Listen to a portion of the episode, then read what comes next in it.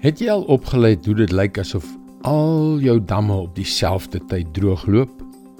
Dit is nie 'n mooi gesig om te sien nie en op daardie droë, uitgedorde plek smag ons na 'n teug koel water. Hallo, ek is Jockey Gouchee vir Bernie Diamond en welkom weer by Vars. Toe ek jare gelede opgelei is as 'n leeroffisier, het ons vir weke aan een geoefen en met 'n denkbeeldige vyand geveg om die oorlogskuns te bemeester. Destyds was die leer besig met wat hulle waterrantsonering genoem het. Twee waterbottels per man per dag.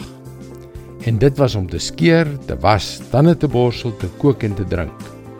Jy kan self dink dat twee bottels in daardie moordende warm somers met al die swaar oefening nooit ooit genoeg was nie.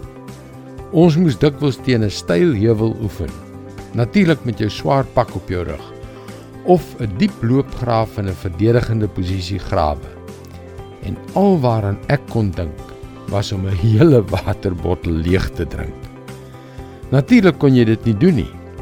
Ek onthou ek ook dikwels my oë toegemaak het en gedink het hoe dit sou voel om in 'n lekker koel rivier te gaan swem. As jy so dors is, wil jy regtig baie baie water hê. Jy wil drink en drink totdat jy nie meer kan nie. En so voel jy ook in die loopgraaf van die lewe as jy heeltemal leeg voel. In Johannes 7 vers 37 en 38 lees ons: Op die laaste dag, die groot dag van die Hittefees, het Jesus daar gestaan en uitgeroep: As iemand dors het, laat hy na my toe kom en drink. Met die een wat in my glo, is dit soos die skrif sê, strome lewende water sal uit sy binneste vloei. Het jy gehoor wat Jesus gesê het? Strome, 'n oorvloed lewende water. Onthou dit die volgende keer as jy dors word. Jesus hou nie van waterrantsonering nie. Dit is God se woord vars vir jou vandag. God en Jesus is nie net teoretiese, teologiese, serebrale begrippe nie. Dis prakties. Jesus roep jou om te kom drink.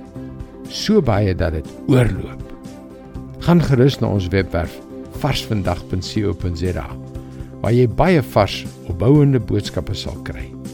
Daar is ook video's en ander materiaal van Bernie Diamond. Mooi loop en luister weer môre na jou gunstelingstasie.